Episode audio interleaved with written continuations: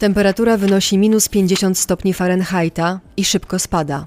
Z powodu mgły, która nadciągnęła wcześniej, podczas krótkiej godziny szarówki, będącej dla nich teraz jedyną namiastką dnia, musieli usunąć i złożyć w luku trzy stęgi, bram stęgi, górny takielunek i najwyższe drzewca. Spadające z nich sople mogły kogoś zranić, a poza tym ciężar oblepiającego je lodu groził przewróceniem statku na bok. Teraz nagie maszty wyglądają niczym odarte z gałęzi i wierzchołków drzewa, w których odbija się zorza tańcząca nad niewyraźną kreską horyzontu.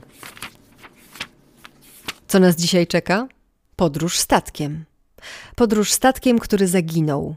I do teraz nikt nie wie, co się z nim tak naprawdę stało.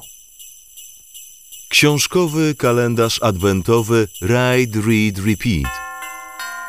Dzień dziesiąty. Zaprasza Iska Szewczyk. Zabieram Was dzisiaj w naprawdę lodowatą przygodę. Przeniesiemy się na arktyczne wody z Danem Simonsem i jego powieścią Terror. Jest maj 1845 roku. Dwa statki wypływają spod brytyjskich bander w poszukiwaniu tajemniczego przejścia północno-zachodniego.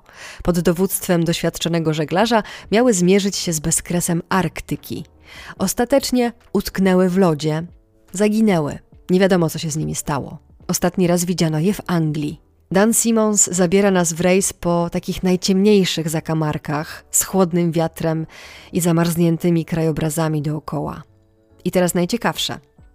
To jest i nie jest prawdziwa historia. Dan Simmons zrobił ogromny research, dużo czytał o faktycznej wyprawie tych dwóch statków, dodał do niej trochę plotek, klimatu fantastyki, horroru i stworzył wciągającą powieść.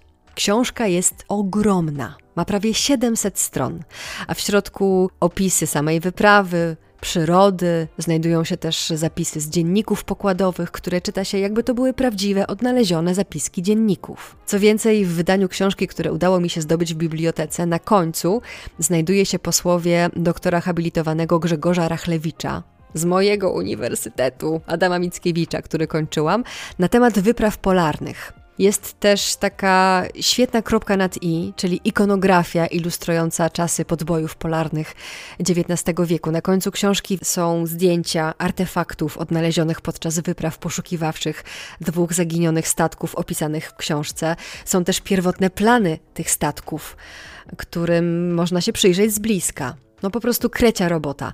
Myślę, że może to być e, śmiało świetny prezent pod choinkę dla kogoś, kto interesuje się historią, a jednocześnie lubi czytać powieści, bo to jest taki miks prawda, nieprawda, napisany niesamowicie. Dostałam też wiadomość od jednego z Was, Janka konkretnie, po emisji odcinka 7 grudnia o abominacji, pierwszej książce Dana Simonsa, która była wspomniana w naszym książkowym, podcastowym kalendarzu adwentowym. Janek napisał do mnie z pytaniem, czy ta druga książka to będzie terror, i dodał, że jeżeli tak, to warto zaznaczyć, że to nie jest książka historyczna. W opisie książki znajduje się informacja, że jest to rekonstrukcja wyprawy podbiegunowej, i faktycznie tak jest ale tylko do pewnego momentu.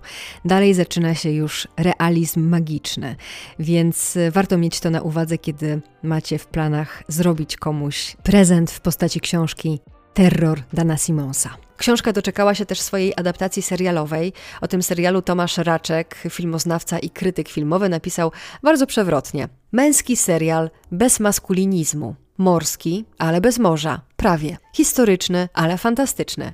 Jest w nim zimno od początku do końca, ale odrąbywane palce nie bolą. Dan Simons, Terror. Przełożył Janusz Ochab.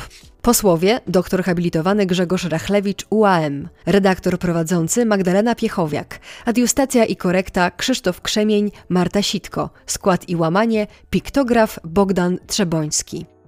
Jutro, zanim razem ze mną zajrzycie do kolejnego okienka w naszym książkowym kalendarzu adwentowym, polecam Wam wcześniej coś dobrego zjeść, bo myślę, że na głodniaka to raczej nie da się słuchać o tej książce, którą przygotowałam. Naprawdę wiem, co mówię. Do jutra, dobrego wieczoru, dobrej nocy. Jutro zjedzcie coś dobrego, a wcześniej zasubskrybujcie podcast albo podzielcie się tym bądź innym odcinkiem kalendarza adwentowego w swoich social mediach. Niech się niesie ten dźwiękowy kalendarz.